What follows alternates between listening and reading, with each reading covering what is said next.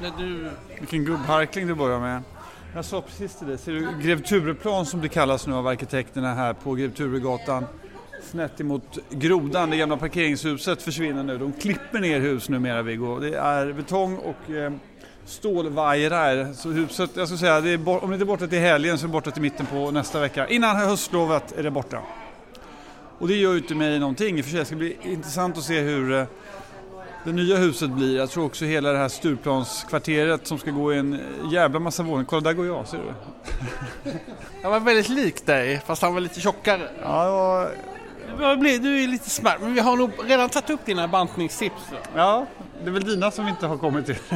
Jag har faktiskt gått ner lite också, för jag har börjat cykla nu. Jag cyklar ju även på elcykeln så, får, så måste man ju ändå röra sig. Så att säga. Att jag känner ett förakt för fr- friska människor som använder elcykel faktiskt. Det måste jag säga att jag gör. Hur kommer det sig att du har Men det? alltså du cyklar ju kanske så två minuter. Nej, cyklar du längre än 15 minuter senare? ta- oh, vad jag är tacksam för den frågan. Jag var i Solna igår cyklade jag. Oj, oj, oj. Och hur ofta är du i Solna? Ja, det hände. Ö, Vet du, när jag cyklade från Solna, vet du vem jag träffade då? Jag hade ett möte med Janne Sundling. Vet du vad han är aktuell som nu? Jag älskar det. Ja, ja det är dina ord. Nej, han är aktuell Man har med, väl träffat en ny tjej helt enkelt? han är aktuell med en bok om Anders Sundström. Det var det jag tänkte säga. Okej, okej, okej. Ja men vad roligt. Anders Sundström, eh, han är ju en sån här riktig hal. Han och vad heter det, han den här eh, gamla näringsministern som Johan Akelius har skrivit en bok om. Det, det är ju liksom, det finns vissa mäns intressen för de här sortens män som är, jag tror, väldigt begränsat i en större kontext. Jag tillhör den en, en läsargrupp. Du däremot älskar ju såna här Anders Sundström. Läs hellre den än boken om Göran Persson. Jag har läst bägge de böckerna. Björn Rosengren är det du tänker Exakt, exakt, exakt. Men eh, däremot måste jag säga att det behöver inte vara män som varken skriver om eller handlar om. Däremot tycker jag för detta politiker som skriver böcker är spännande. Och vet du vilken min favoritbok är? Den bästa av alla. I kategorin då, ex-politiker. Jag tycker ju Per Nuders eh, böcker, eh, bok, eh, de som jag läst, jag minns inte om jag läst en eller två. Annette Kullenberg tyckte ju inte om den, men jag tyckte faktiskt att den var fin, den här boken som han skrev. Anette Kullenberg ett geni, var ett geni på alla sätt och vis. Men Det var hon inte, hon var rätt så jobbig faktiskt. Jo, jo, det var hon. var jättejobbig. Men hon var onödigt hård mot Per Nuder vars bok inte alls var så dålig. Den som jag tycker är bäst i kategorin, som faktiskt är litterärt riktigt bra, det är Anna-Greta Leijons bok Alla rosor ska inte tuktas, som jag tror hon har skrivit helt själv. Det är en jättebra bok. Okej, okej, okej. Du, eh, ja men... Eh, Jag såg dokumentären om La Camilla på SVT igår. Har du sett den? Camilla Hedmark. usch. Eller usch, jag ska inte säga usch, men jag tycker... Nej men livet som före detta popstjärna det är ju komplicerat och jag tror den myt som hon eh, var en del av, nämligen den här lite självförbrännande eh, idén, den eh, tar ju ut sin rätt helt enkelt. Jag håller inte med dig. Alltså jag fascineras alltid av paljetter som smolkats ner eller blekts av tiden. Jag tycker Tack, det nu kommer är... min och här. Härligt. Och du ska ha lite bruna te eller? Tycker ja, det ska jag ha, tack. Eh, Är det brunt te du ska ha? man säger svart om man är vuxen. Tack så mycket. Svart säger man när man är vuxen. Men det är ju, är ju inte svart, det är ju brunt te. Kolla så kommer in där. Blå Ja, men det är ju han igen ju. eh, Hur är det dig och Nanny då? Micke Grimborg? Vad sa du? Micke Grimborg heter han. Micke Grimborg ja. Jag, jag, vad hette det? Nu håller vi tråden här för en gångs skull, Kavling. Camilla Henemark. Jag tycker att den dokumentären speglar en tidsanda som var väldigt eh, spännande när Armor Lovers kom. Man såg också ett otroligt roligt klipp. Media ska ju inte åldras, så är det ju, för det blir inte värdigt. När eh, Sivert Öholm, du minns honom? Absolut, absolut. Israelvän eh, och kompis med min eh, ja, släkting kan man väl kalla det för, eh, Dicky i Israel. Då intervjuar han Army of Lovers i vad jag tror då var Svar Direkt och eh, första frågan så kommenterar han typ då deras klädsel. Vad, vad, vad är meningen med det här liksom? Varför tycker ni det här är... Varför ser ni ut på det här sättet för? Och det är ju för det första något som aldrig skulle ske idag och eh, liksom storbrödheten kring både, både klädsel och att hon då kanske inte riktigt sjöng utan mimade var mer frontfigur. Vet du om det är Nej. Johan Larsson. Vilken va? Anna Fällanders kille, Ulrika Saxons exman. Jaha, är de ihop? Ja visst, nu får de med lite grann. Sen tycker jag det finns någonting sårbart som då på något eh, löjligt sätt nästan blir både rörande och kanske lite vackert över Camilla Henemark som eh, sitter i vad jag förstår då en etta som egentligen bara består av kläder och ser tillbaks på sitt liv. Hon är ju fortfarande liksom en spännande person tror jag. Sen eh, kan jag tänka mig att hon är väldigt jobbig och rörig och vad du vill men det är ändå ett eh, människoöde. Mm, ja, men så är det. Vi brukade hänga ibland eh, i SVT Morgon eh, för, jag vet inte, precis när jag kom till Stockholm ska jag tippa, eh, där början på eh, 00-talet. Nej men, eh, det nej, men hon har ju vettiga åsikter. Nej, men problemet är väl med en sån person att hon inte vill ha ett vanligt jobb. Det är väl alla andra får skärpa till sig och gå och jobba. Det för man var lite så, lite hård. Um, Ja, men det kan man väl vara och eh, hon är ju precis som du också socialdemokrat apropå politiker. Alltså. Nej men hon har ju första majtalet har väl du inte gjort än men det är väl ett tag innan Sköndals store man träder fram och berättar om reseindustrins alltså, fördelar för tillväxten. Vilken, jag, jag, vet inte vad jag ska svara på det. Du, eh, jag tänkte, vad heter det, jag har liksom ett litet vindlande resonemang. Ja, till skillnad från? Ja, ja, ja, din klara spaning här. Du har Nej, sett ett tv-program. hur det brukar vara, men få höra ditt... Uh... Nej, men jag är jag... inte klar med La Camilla, men, vi... Nej, men säg något mer då. Nej, men jag tänkte att du, du uh, kom in emellan. Ja, nej men jag tänkte prata lite om... Uh... Jag kan säga klart min spaning ja. för det går väldigt fort. Om La... den här typen av uh, öden fascinerar. Det finns ju flera stycken andra som man... Uh, att komma på idén om att göra en dokumentär om henne tycker jag är... Pitchen... Lågt hängande frukt. Ja, lågt hängande frukt. Jag skulle säga att pitchen kanske inte är sådär överdrivet spännande, men programmen tycker jag blir spännande. Jag tycker den eh, typen av dokumentärer är... Jag gillar dem, de är kittlande, de är bra. Amelia Damo medverkade i den här och det fanns ju, finns ju en jättebra om henne som heter Leo levererar på SVT. Det är ju ett helt annat typ av öde som eh, om du säger att Camilla Henemark inte arbetar så kan man ju säga att eh, Amelia Dam har gjort precis tvärtom. Hon har ju bara arbetat hela sitt liv, ett människoöde som också präglat vår samtid och reflekterat vår samtid väldigt tydligt. Sveriges Radio håller på med en dokumentär, jag vet inte säga vilken P-kanal det är, om ytterligare en journalist som har eh, ett liknande, kanske en blandning mellan Camilla Henemark och, eh, Jakob, eh, och Amelia Dahlman, nämligen Jakob Dalin. Okej, okej, du vet att jag håller ju Jakob Dalin väldigt högt. Och vet du varför? Nej, vad kul. Berätta. Därför att jag var den sista som fick Jakob Dalins stipendium. Verkligen. Hatten av för dig. Ja, men tack så mycket. Det var ett, ett, stort, stort, stort ögonblick. En dag så ringde Susanne Ljung upp, eller om det var Tom Hedqvist, och sa Viggo, du har fått Jakob Dahlins stipendium. Du är välkommen upp till Stockholm och eh, då får du en check på 25 000 kronor. Oj, det här måste vara i början på 90-talet va? Ja, det här var i början på 90-talet, så att då var det, det skulle gå till en ung, het artist eller journalist och eh, Mark Levengood har fått det tidigare och Eh, Pia Kallischer och Björn Kjellman. Superfina, eh, superfint sammanhang. Då var jag där och kom upp där till Stockholm. Eh, jag var ju, du vet, det var på den tiden man knappt vågade komma till Stockholm för det var så jävla häftigt. Och så var det då här ute på Ulla Vinblad och då var det han då som hade bestämt maten, man skulle få choklad. Men då var han redan i himlen? Ja, ja han var i himlen precis. Så att det här bestämdes då vid hans död att det skulle gå till och då skulle det bjudas på chokladindränkta jordgubbar och då, eh, vad hette det, naturligtvis rosa champagne, det som man drack i TV med Pugachova eller vad hon hette, den här ryska artisten. Och då var jag där och då, vad hette det, och då var det så att den som hade fått stipendiet året innan skulle berätta vad de hade gjort med pengarna. Så att jag fick liksom inte så mycket airtime så att säga. Men det största ögonblicket av dem alla, det var då att då samlades, efter jag fått det så samlades det olika människor runt mig. Och då ser jag liksom genom folkmassan att någon försöker tränga sig fram för att hälsa på mig och det var Ja, jag har ingen aning. Nej, Benny Andersson. Alltså så Benny Andersson försökte liksom... Han, han fick, Abba Benny Andersson? Abba Benny Andersson fick liksom tränga sig fram för att få hälsa på mig. Och det var ju liksom på något sätt... Var det då din hybris verkligen liksom exploderade? Nej men det var liksom ett sånt magiskt ögonblick. Sen flög jag till London nästa dag och då eh, tog jag av de här, vad heter det, 25 000 kronorna ut kanske 6 000 kronor och köpte ett par Church-skor. Ja, snyggt. Hur länge höll de?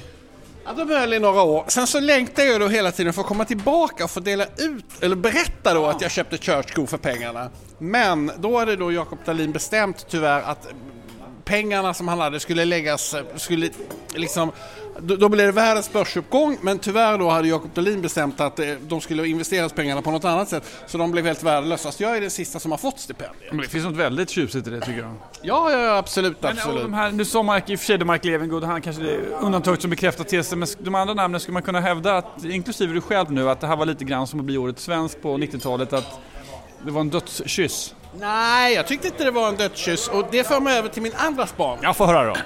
Nej men för väldigt länge sedan, på 90-talet, kanske här var i början, då intervjuade jag en stor intervju med Nils Petter Sundgren för DN på stan. Och då kom vi prata om det som är min egentliga spaning, nämligen Lukas Moodysson. Och då frågar jag eh, Nils Petter Sundgren, vad, vad tycker du om Nils, eh, vad heter det, Lukas Moodysson? Jo men för då hade han ju släppt eh, Fucking Åmål och Tillsammans, han var liksom den hetaste eh, killen i stan.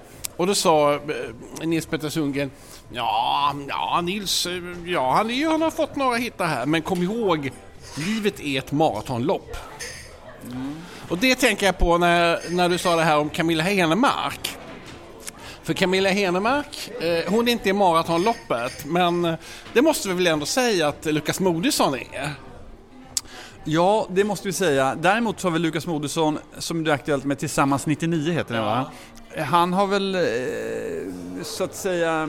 Alltså han har ju gjort intensiva eh, pass och sen så har han pausat och så har han gjort intensiva pass. Ja, Så till Ruben Östlund som jag tycker jag, eh, undrar om han kommer att hålla, kunna hålla samma... Jag tänkte återkomma till Ruben Östlund om en stund, men Lukas Moodysson, jag är ju då från Malmö och Lukas Moodysson han hade då en bästa kompis eh, som hette Ossian och man kan väl säga att han blev sen min bästa kompis så att jag tog liksom över Ossian från Lukas eh, och då hade Lukas Moodysson, han var med... den filmen, det vill man säga. Ja, nej men den filmen, eh, den, eh, det, är, det, är, det är ju, det- vad heter han? En av, Fräschaste 75-åring, alla dagar i veckan. Klas Dinkers bil. Ja, ja, ja, han är jättefin. Han ska cykla ner till sitt kontor där de sprutar in miljarder på det där eh, riskkapitalbolaget som är mittemot Rish en trappa upp. Han jobbar ju inte alls, han jobbar på... nej, ja, men alltså, han, eh, ja, men alltså, det är ju ändå hans familjs pengar som eh, snurrar runt där inne. Det är bottenplattan. Men det har ju liksom... Nu håller du till Lukas Moodysson nu istället. Eh, ja men precis, att eh, då var vi, eh, då hängde vi på, eller han, jag, försökte, jag var lite hangaround till, till honom och då hade de något som hette Malmöligan där de gjorde poesiuppläsningar.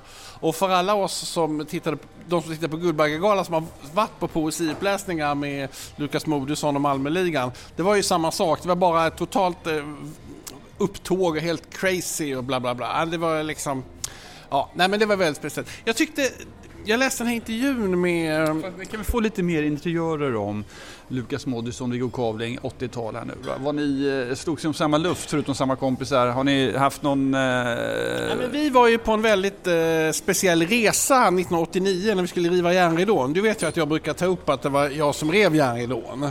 Ja, jo tack, det är ju, precis, det brukar du ta upp. Det förvånar mig att våra lyssnare inte får ta del av det. Nej, men, men då var vi där, jag och Ossian och Lukas och Li och Stina och Kiki och vi var liksom ett gäng sådär. Liv är alltså då eh, Liv Winter. Liv Winter och Stina... Sköna Hem. Ja, Stina, hon är, hon, ja, hon, är ingen, eh, hon är kvar. Det här var ju från Skåne så att alla åkte ju inte till Stockholm och gjorde karriär utan en hel del blev ju kvar där nere i Skåne. Eh, ja, det är bortglömda, är väl fel att säga men kanske inte lika medialt kända här i Stockholm. Nej, nej. Men vi var där i, i Ryssland och det var ju en väldigt, eller i Sovjetunionen som det hette då. Och då, eh, det var en väldigt speciell resa eh, och den kan man läsa om i Lukas Moodyssons, vad jag vet i alla fall, enda roman, Vitt blod. Där, eh, som handlar om den här resan. Den är ju liksom lite suggestiv. eh, Jag ska inte, förlåt jag vill borra lite mer i det här. Du ska inte få komma undan så enkelt. Ni slogs om samma luft, ja eller nej? Nej, det kan man väl inte säga. Man- man-? Nej men alltså han var ju, alltså när jag träffade honom då kanske jag var 19 år. Eller? Och han var också 19, jag tror att vi är lika gamla. Det var problem då menar du? Nej men alltså då hade ju han gett ut tre diktsamlingar när han var 19. Och det måste du hatat? Ja, men alltså, förstår du vad jag menar? Man var ju, det var ju hatat i fel ord. Det var ju som någon befann sig liksom uppe i himlen. Ja, och, och själv satt man liksom Men ner... du är ju inte rädd för att fjäska för de som har mer makt än du själv. Du är ju en climber. alltså, va? vi- vilket- Men varför, varför, tog, varför är inte ni bästa kompisar för du och Lukas Nej Moodysson? men jag tror aldrig att han tyckte jag var speciellt rolig och intressant. Ja, det är problemet. Vem säger du nu då? Vem kommer där? Här kommer han. Ja men det är ju Hugo Renberg igen ju, jäkla hoppet. Han är, håller klockan här, kvart i nio, kvart i nio går Elegant oborstad i stilen skulle jag säga. Ja, det var så. Elegant oborstad. Precis, precis. Jag lyssnade. Och nu släppte han ut, han höll uppe Vet du vad jag tänker på när jag ser honom? Han ser, det där är media-Sveriges Harrison Ford. Och det är media-Sverige. Han är ju för fan, alltså, och ska de spela in Jagad på svenska någon gång, då är det Hugo Renberg de ska ringa. En mycket berömd eh, kontaktannons eh, för väldigt länge så stod det att hon ville ha en man som såg ut som Harrison Ford eller Viggo Kavling. Du skämtar? Nej, det är helt sant. Det här var ju också på, alltså kan ha varit på 80-talet, alltså det början av 90-talet, väldigt, Det är väldigt länge. två utseenden som inte direkt ligger nära varandra. Jag vet inte riktigt, men det var ju väldigt roligt uttalande. Vill hon ha en man eller kvinna? Fy fan vad elakt. Nu kommer min eh, äggmacka här, ska bli jättehärlig. Oj, med väldigt härlig varm tallrik också. Du... Ja, men- Okej, så du Nej, såg men- upp till honom, han tyckte inte du var så kul och det, där har vi, där har Ja, vi nej, men det var hela grejen. Men jag, Jag såg säga, honom häromdagen. tycker Du är häromdagen. roligare än vad Lukas Moodysson är. Ja, det vet jag inte om jag... Men jag tror han är... Ja. Men jag såg honom faktiskt, eh, eller vi hälsade på varandra. Kom, cy- ni då? nej men jag kom cyklande på Hornsgatan med min lådcykel tror jag det var. Eller med någon cykel. Och då eh, kom han gående. Hans eh, producent bor ju i eh, det, huset som Olle Westberg bor i uppe på, eller bodde i... Laurinska huset. Laurinska huset. Producenten bor där uppe, fucking Åmål. Producenten Jan Jönsson hette han. Jag glömde på. heta. I alla fall, så då... Eh, Vi stannar och kramar honom. Nej, vi stannade, jag satt ju på cykeln så det var svårt, men han stod vid övergångsstället. Men vi liksom, nej men... eh, Men vad så länge ni, slä- liksom, vi, ni, vi hälsar, ni vinkar till varandra bara eller? Nej, men vi, han sa, jag kommer inte ihåg, vi, vi snackade, alltså, så- det är ju svårt, jag sitter på cykeln och han står Han, vid... han var på eh, Tessan och Jakobs bröllop. Tom heter han. Ehm, Tom är ett riktigt överklassnamn. Ja, det kan jag vara benägen att hålla med om faktiskt. Ja. Nej men... eh, Viggo är ju inte ett överklassnamn däremot. Vet du att Vig, O-namnen är ju de nya Y-namnen bland barnen på skolan jo, och du är nog fan en eh, källa till uppfordran. Du, eh, ja, nej men eh, jag tänkte bara komma till poängen här då på min spaning. Och det var ju då att eh, jag läste en intervju då med, eh, som eh, Linda Skugge hade gjort med eh, Lukas Moodysson, eller mejlat med honom rättare sagt. Det var väldigt eh, förvirrad intervju i Expressen. Läste du den eller? Nej, det har jag inte gjort. Tyvärr. Ja men den... ja men på något sätt så... Men det som var intressant som han uttalade sig om i den här intervjun det var att han ville att alla karaktärer som han beskrev eller som han hade med sig i filmen att det skulle finnas en värme för dem, en kärlek man skulle, och en humor och hjärta. Och han, han vill inte säga då att de filmer som inte har det är dåliga filmer, men det vill jag säga. För nu i, i helgen försökte jag titta på den här Ruben Östlunds film Ja, där de håller på och kräks. Har du sett den? Jag förstår inte poängen med Ruben, Ruben Östlund alls. Det kan man inte säga. Jag Nej men alltså ingenting. visst, fruktansvärd jävla skitfilm. Till att börja med tycker jag så här, att uppta människors tid i tre timmar när man inte behöver. Det han ska berätta, det han vill förmedla, det skulle han ju som Woody Allen kunna göra på en och en halv timme. Men det ska ge någonting med att liksom publiken ska lida. Samma med den här andra tönten här på Östermalm, eh, vad heter det, Sången från andra våningen. De filmerna är också plågsamt långa. Mannen du refererar till är då Lena Anderssons för detta älskare Roy Ja, precis, Andersson. Roy Andersson. Nej men alltså de två, det är ju liksom, jag förstår Det inte... håller jag inte med om däremot. Men, men Nej, men att, att hela idén med filmen är att den ska vara så tråkig som möjligt, långsam, förutsägbar, plastiga karaktärer och, och på något sätt Alltså, jag då som har varit en del på kryssningsbåtar, både Ultralyx som skildras i den här filmen och alltså det, det stämmer ju inte, alltså det finns ju ingen, det har ju inget med verkligheten att göra. Det, den verklighet som han då försöker beskriva, han försöker beskriva de rika och, och, och de fattiga. Och då är liksom, ja, de rika är dumma i huvudet och äckliga och svinaktiga och de fattiga, ja men de är goda innerst inne. Ja, men alltså, alla vi som har träffat rika människor vet ju att det finns, som han som cyklar förbi här, superfina, jättehärliga, trevliga, rika och avskyvärda. Och så är det med alla andra människor. Rikedom det präglar människor väldigt mycket men det gör inte folk automatiskt Nej, det kan ta fram både det bästa och sämsta Ja hos men eller människor. hur? Och, och, alltså där känner jag så Ruben Östlund. När ska någon säga den här kejsaren, han är så naken som en kejsare kan bli? Det blev alltså torsdagen 19 oktober, pass 18.56. Nu får du hålla den här för jag ska, Nu ska det- lite min macka samtidigt. Oj, ägg och kaviarsmörgås. Ja, men det är något av det godaste som finns. Det åt vi på siesta på 80-talet. Du, vi kan, gå, eh, vi kan prata lite mer om två andra saker som, eh, Du berättade då om din vänskap med Lukas Moodysson, vi har pratat om Camilla Henemark och du lyckades aldrig bli vän med Lukas Moodysson på riktigt och Camilla Henemark beskriver sig själv i den här dokumentären La Camilla som rätt ensam. Ensamhet är ju ett ämne som alltid är på tapeten, men särskilt den här veckan kanske, när en artikel i tidningen, den utmärkta tidskriften Kvartal har publicerats, som handlar om hur hittar man vänner som vuxen? Skriven av Anna-Karin Windham. Ja, men alltså det där tycker inte jag är dugg svårt. Alltså hitta kompisar som vuxna. Jag har hittat dig till exempel. Jag, hittade... jag var ju ett barn fortfarande då vi blev vänner. Ja, men det är intressant att du tar oss som exempel. Vänta, vi... alltså... Nej, vi pausar. Vi tar oss som exempel. Då var du min chef och du sa till mig väldigt tydligt, vi var ju eh, märkligt och jag var lägst i hierarkin, du var högst i hierarkin och det var ingen som ville hänga med någon av dig och mig på, på, på Resumés redaktion då. Och du var ju väldigt tydlig med tidigt att du och jag aldrig skulle bli vänner för du var min chef. Ungefär som det i, vad heter det, det är ungefär samma, samma sägning som när Harry mötte Sally. Vi kan inte bli kompisar för förr eller senare kommer vi vilja ligga med varandra. Säger de när Harry mötte Sally. Ingen jämförelse med oss i övrigt. Nej, men alltså, man kan väl säga så här att jag hade ju varit, när jag var chef på Lemsson, så hade jag varit på Dagens Nyheter innan och där blivit kompisar med massa människor och sen så hade jag blivit ovänner med dem och de hade blivit arga. Och jag tror, just det, man kommer som mellanchef eh, till en annan stad. Det är väldigt smärtsamt att inse att man får inga nya kompisar på att vara mellanchef. Och jag var inte intresserad av att få ha kompisar. Jag var intresserad av att göra uppgiften på ett så bra sätt som möjligt och sen Nej men och sen kan man väl säga, den som var min viktigaste eh, kompanjon på jobbet, det var ju min sekreterare Helena Hjort. Och sen så, eh, min, alltså slutade ju, Amelia kidnappade henne. Hon gjorde en så kallad Lucke Bonnier. Ja, inte i bokstavlig bemärkelse. Nej, men hon, eh, Amelia Damo visste att Helena Hjort var den bästa sekreteraren på hela Bonnier. Och slet henne ur ja, men Det var prestige. Helena Hjort skulle man ha då på redaktionen. Ja, precis, det var Utmärkt person. Och det var jättebra person. Nej men hon var men min Tillbaks till nu då. Hur gör du som vuxen för att hitta vänner? Nej men man får ju bara vara, alltså det är inte så svårt. Det är som allt annat. Vill man ligga, då måste man bjuda till. Svårare än så är det inte. Du får ju smickra folk, som Hugo Renberg. Jag smickrar honom lite grann, vi blir lite kompisar. Jag heter Johan Akelius, jag smickrar honom, bjöd honom på lunch. Vi blir lite kompisar. det är det jag menar. Hugo Renberg tror jag är ett jättebra exempel. Jag tror han nämligen inte har någon han har inte någon ny kompis sen Svante Tegnér och han började i femman eller något sånt. Han har samma umgänge som han hade sen mellanstadiet på Engelbrektsskolan eller var han gick. SVT publicerade en... Men, Förlåt. Jag tror en förklaring är också att han har ju bott här på Östermalm hela sitt liv och aldrig behövt söka sig i några andra områden. Du och jag har ju förflyttat oss.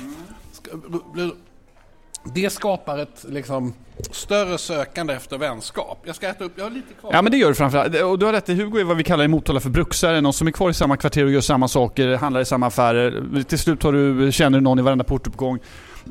SVT publicerat... Man kan liksom förföra sådana människor de är ju så rädda för att få kontakt med andra människor. De är ju liksom livrädda för allting nytt och främmande. Så, men det och, går även med dem. Om man skulle skicka ner Hugo Renberg till Malmö, hur skulle han eh, integrera sig där tror du? Hugo Renberg, han skulle ju liksom... Eh, han skulle inte ha en enda... Han skulle vara så ensam som en människa kan vara. Han är ju ganska ensam redan så tillvida att han, om du lyssnar på hans podcast, vilket jag är säker på att du inte gör, berättar då att han tackar nej till alla sociala grejer och bara sitter hemma och tittar på TV. Då får man inte så mycket kompisar. Och just tv och ensamhet, är intressant. För SVT har gjort ett program om ensamhet som handlar om ungefär samma tema som Kvartal. Fast då tycker jag det var en intressant vinkel på ett i och för sig rätt tråkigt program. Det verkar så att det är rätt vanligt att människor, vuxna människor inte har några vänner. Och det tycker jag verkar vara ännu vanligare att vuxna människor inte fattar ett, att de inte har några vänner och två, vad poängen med vänner skulle vara. Det vill säga, som du är inne på lite grann. Livet pågår, du kanske är gift eller du kanske, ja, på något annat sätt bor ihop med någon. Men du fattar inte att du har några vänner. Du har arbetskamrater, du kanske något annat, men du har inga vänner. Nej. Tror du att det här är vanligt? Ja, jag tror att det är ganska vanligt, men jag tycker folk får skylla sig själv. Det är ju... Det, alltså, det är inte så att vännerna flyger in genom munnen utan man får anstränga sig, man får ringa. Men det är kanske här, folk kanske inte vet, jo men folk kanske inte vet, det kanske behövs en instruktionsbok, så skaffar du nya kompisar. Ja, det, det, men det kan man väl googla om man skulle vara lite osäker. Jag tror, det viktigaste lärdomen, och den repeterar jag då innan, du får bjuda till om du vill ligga. Alltså du måste, får inte vara för knusslig, du får liksom och så, så får Den här sexualiseringen som du alltid haft så goda Kommer du ihåg vad du sa till mig när jag var ung reporter? Du skulle säga så här, Claes, en bra journalist, en bra reporter är som en bra... Hora. Och vad menade Jag var 22 år gammal, desillusionerad, kom från småstan. Äppelknyckarbyxor, keps bak och fram. Alltså, du var ju liksom... kunde du säga så? Men alltså, ja, alltså, du, Du har kommit lindrigt undan. Ja, men alltså du, jag vet inte, du får det att framstå, din bild av hur du framstår, din sagoberättande, det är Skickligt. skickligt. Är det väl. Jag tror att du, eh, jag tror du, du inte har förmåga att förstå hur svårt det kan vara för människor att ta kontakt med andra om man inte har, eh, om man inte vet vad man ska göra. Om man känner sig tafatt, om man inte känner sig, om man har dåligt självförtroende, om man har svårt att ta Men kontakt. Då, då, hem, hemligheten är ju att alla är ju tafatta. Jag är också tafatt när jag träffar människor första gången. Men jag... eh, Liksom, man får stå över det. Man får liksom tänka... Det här kommer inte bli lättare med i en digital kontext. eh, För, de, ja, för den typen av grupper som aldrig, som, som eh, våra barn till exempel, som är uppvuxna digitalt, för de tror jag kommer vara svårare. Nej, ja, faktum är att eh, jag har försökt lära lite av mina knep eh, till min son. Och han har testat några av dem och han sa att de fungerar jättebra. Dina knep, du har liksom bara sagt att man får skylla sig själv. Vad är knepen? Det är det jag försöker fråga. Knepet är så här, hej jag ska ha en middag här ikväll, vill du komma på middag? Det kommer lite andra roliga människor. Det är ett konkret och bra knep. Du hade ju, när du bodde på, på um, Kattgränd, tack. De här utmärkta middagarna där du bjöd in både kreti och pleti och man fick hjälpa till lite i köket och någon satt på balkongen och åt. Ja, och någon Det- satt ja, det var... Och det gav dig många nya vänner, visst. Någon satt och visade kuken för någon annan i, i ett lite speciellt rum. Nej men alltså det var ju Vad var det för rum? det var ju mitt sovrum, där kunde man gå in och... Men eh, jag tror att den tiden, eller den och, och om du får vara värd. Jag tror värdskapet är en, ett konkret tips. Får du vara värd och göra det lite roligt, då blir du, kan du bli legendar på, på 48 timmar. Nej, men alltså hur har Mikael Bindefeld blivit en person som alla vill hänga med? Jo, han bjuder dem på lite gratis sprit. Det är Well. rocket science. Och eh, det är ju lite samma, jag har försökt göra lite samma och liksom Nej, men skapa en, en sfär, en klick, eh, några människor man gillar, hänga med dem. Vi, eh, det är liksom... Och för vissa är det svårt och för andra är det lätt. För mig är det ganska lätt. Jag tycker det är om vi skulle prata om Mikael Bindefeld, det är klart att du ska jämföra med honom, men det han gör är ju att professionellt eh, umgås med folk. Nu pratar vi om vänskap och jag, jag vet ingenting om att svenska... Som var bjudna på hans 50-årskalas säger ju att Mikael Bindefeld är deras vän. Så att eh, på något sätt har han ju lyckats alltså, förena det professionella. Jag tror också att det är någon slags... Min bästa kompis eh, Jim i Malmö har ju gjort sådana här middagar eh, sedan tidernas begynnelse. Och när man läser, mina föräldrar gjorde inte så jättemycket. Det var men- Jim som inspirerade dig. Ja, Jim har inspirerat mig jättemycket. Men jag vet också att min farfar, eh, min namne då, Viggo Kavling, eh, den äldre senior, han, man läser liksom hans böcker och så, då är det ofta middagar eh, i Tisville, nej inte Tisville, i, eh, ja där uppe på nordspetsen på Själland. Det är alltså V.O. Kavling som gett upphov till danska journalistpriset, Nej, det Kavlingpriset. är hans pappa som gav upphov till det, så att min farfars far journalistpriset. Men Apropå middagar, vet du vad jag ska äta middag ikväll? Detta blir ett, eh, du en... ska äta på gondolen va? Ikväll ska jag äta middag på Gondolen. Gondolen nyöppnar. Jag Fick ett debut först. Det var igår, men eh, det, jag har kanske fel. Jag tror invigningen var igår, men jag vill ha första ordinarie middagstid. Okej, okej, okej. Men jag funderar på att gå dit och käka lunch med David Granat på, eh, på fredag. Jag ska boka det, så måste jag. Ja, men du ska gå ikväll, vad roligt. Det är trevligt för dig. Jag såg att det var tänt nu i, eh, i själva gondolen. Det var ju första restaurangen i Stockholm som jag var riktig stamgäst på. Ja, det är du även satt i styrelsen. Ja, men precis också. Men det gjorde Men jag tror att här, jag, jag har liksom längtat efter att Gondolen ska öppna, för jag tycker för mig knyter Gondolen ihop Norrmalm och Östermalm och Södermalm. Det är perfekt mötesplats, det känns som Slussen är tillbaka. Jag tycker det är en stor dag på det sättet. Dessutom är Gondolen som byggnad, mina barn har aldrig varit inne där. De har inte, kommer inte förstå vad de kommer få se idag, hur Okej, läckert så det kommer barnen vara. ska med helt Ja, ja, enkelt? självklart ska barnen med. Oj, vad trevligt. De är i vår ålder nästan. Vad ska jag säga, hur lång tid har vi hållit på nu? Det känns som vi... Nej, jag tycker vi ger oss nu faktiskt. Vänta, jag vill bara säga en sak till. Ja, gör det. Du kan hålla den. Men vi lovade ju bara, ja, kort här då, Jan Emanuels eh, releaseparty. Ja, hur gick jag, var ju, ja, men jag var där eh, och det var ju fruktansvärt mycket folk och det var fruktansvärt eh, rolig blandning. Det är bara en liten spaning som Anna Gullberg, eh, hon i Expressen, heter hon Gullberg? Geniet Anna Gullberg, ja. Precis, hon skrev ju där om, det var ju både, det var, alla var ju där och det är korrekt. Jag bara noterade att Sverigedemokraternas spritkulturen är Sveriges eh, största, näst största riksdagsparti. Eh, den är, är kvar, det bjöds ju på gin och tonic till alla. Men både Linus Bylund och eh, han den här som är, vad heter det, som Dominika tycker är så snygg, som var vikarierande Mattias Karlsson. Ja, precis. De två nöjde sig inte med gin och tonic utan beställde, liksom, jag tror den ena beställde någon... Eh, Linus Bylund såg att han beställde, eh, eh vad hette det, den här hårdrocksspriten. Eh, Jack Daniels. Jack Daniels ja, och eh, det var, så att det, är liksom, det var gratis sprit men Sverigedemokraterna de nöjde sig inte med gratis spriten, de ville ha liksom fin sprit istället. Um, inget, uh, ja, ingen öl eller någonting sånt. Så det var det enda, spritkulturen i Sverigedemokraterna fortgår. Annars var det jättetrevligt. Minns... Vilka var de med, vilka var, kan du ge oss något från persongalleriet där? Vilka var där otippade? Nej, men alla, alltså otippade... Nej men alltså det var... Var från näringslivet där? Som du, någon liksom... Alltså det var ju så mycket folk så att Marie Söderqvist, eh, den gamla ledarskribenten på Svenska Dagbladet var där. Eh, oklart om hon räknas som näringslivet. Jag bara tänkte på henne här lite snabbt. Hon var där i varje fall. Hon var, alla var liksom där förutom kultureliten som eh, Anna Gullstrand har, Berg. Berg har rapporterat förträffligt. Nej men det var, det bästa var i alla fall, det var, det var så mycket folk som man knappt kunde röra sig där inne så att det var ju fruktansvärt mycket folk. Och vad heter det, min son, vad heter det, han fick en bild med Jan Emanuel Emanuel utanför och det var liksom det viktigaste. Vad gör han med den bilden? Nej men alltså den har väl han väl sina kompisar och, men och så. Men kommunicerar inte ut den i... Ett, nej han är, nej, han är inte intresserad. Eh, jag vet inte vad, om han har kommunicerat den Jag fick absolut inte lägga upp den i sociala medier. Han jagar inte likes som sin pappa? Nej det gör han inte. Han, eh, han eh, vill ju bli boxningsstjärna. Du, eh, Kavling, var, eh, har vi fått några reaktioner som är värda att ta upp? Nej, jag har träffat eh, lite lyssnare. Eh, vi närmar oss eh, mitt, mitt lyssningsmål. Vad är tusen lyssnare i veckan? Mm, tusen lyssnare i veckan och vi, vi går, går dit med stormsteg. Jag träffade, mm. ja, men jag träffat lite folk här som lyssnar. Som vanligt när jag gör någonting så är det bara män som är intresserade. Ja, ja det, Har du, jag vet bara Camilla Thulin som lyssnar, som är kvinna. Min fru säger att den är alldeles för grabbig, hon börjar tröttna. Hon tvingas ju lyssna. På podden eller på dig? På podden. Förlåt. Eh, Kerstin Hallet, vår vän i Paris, lyssnade ju mycket tidigare. Jag vet inte, Kerstin om du lyssnar, hör av dig. Ja, om det är några kvinnor som lyssnar... Susanna Popova lyssnar ju naturligtvis. Ja, hon, men hon tvingas ju så att säga. Nej, det tror jag inte. Vem då? Ja, men Johan, de, det, det liksom lite... Du lyssnar inte på det, men jag... Det var något jag skulle säga om Johan, vad fan var det? Men vi pratade om honom, vi pratade om honom jättemycket förra gången. Ja, det kanske var det jag skulle säga. Vi pratade mycket om honom förra gången. ja, det skulle